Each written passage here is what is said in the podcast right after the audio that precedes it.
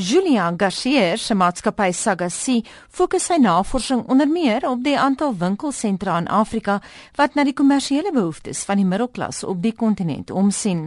Sagasi wat kantore in onder meer Parys, Kaïro, Barcelona en Hong Kong het, se doel is om beleggers bewus te maak van die toenemende potensiaal wat Afrika hulle bied.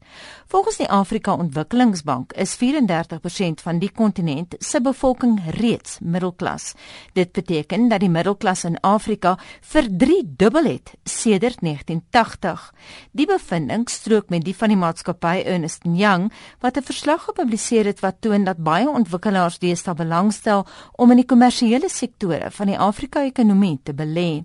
Weereens is die bevindinge dit eens met Sagasi se nuutste verslag. We see a lot of interest by investors, by real estate developers, by retailers, by consumer good companies to enter this market. The fact that all these players are now looking at this market will also provide new opportunities for the middle class. The report we published on shopping centers is the second edition of the report. And what we saw the difference between last year and this year, we also see plenty of new projects coming up. A lot of people wanted to develop new malls in Africa across all the countries. Dit was dan ook die rede hoekom Julian Garcia se maatskappy in die eerste plek besluit het Afrika is die moeite werd om beter te leer ken. We strongly believe that the development in the coming years will be strong and there is a need to help foreign companies to enter this market by providing valuable information and data. Sagasi het dan ook navorsers in 30 lande in Afrika en fokus wat die Weskus betref veral op Nigerië en Ghana. Op die Ooskus kry Kenia, Somalië en Tansanië meeste van die aandag. Die buiteperd vereers is Mosambiek wat nog beskou word as uiters onderontwikkeld, maar met baie potensiaal. Interessant, kry Suid-Afrika geen aandag nie weens 'n kommersiële infrastruktuur wat jare lank al hier gevestig is. The reason why we excluded it is obviously the market for shopping centers in South Africa is very different than the rest of Africa. You have in South Africa more than 1,000 malls across the country, while in the research that we did in the rest of Africa, you have around 240 existing malls. And so the dynamic was so different that we left aside South Africa for that research.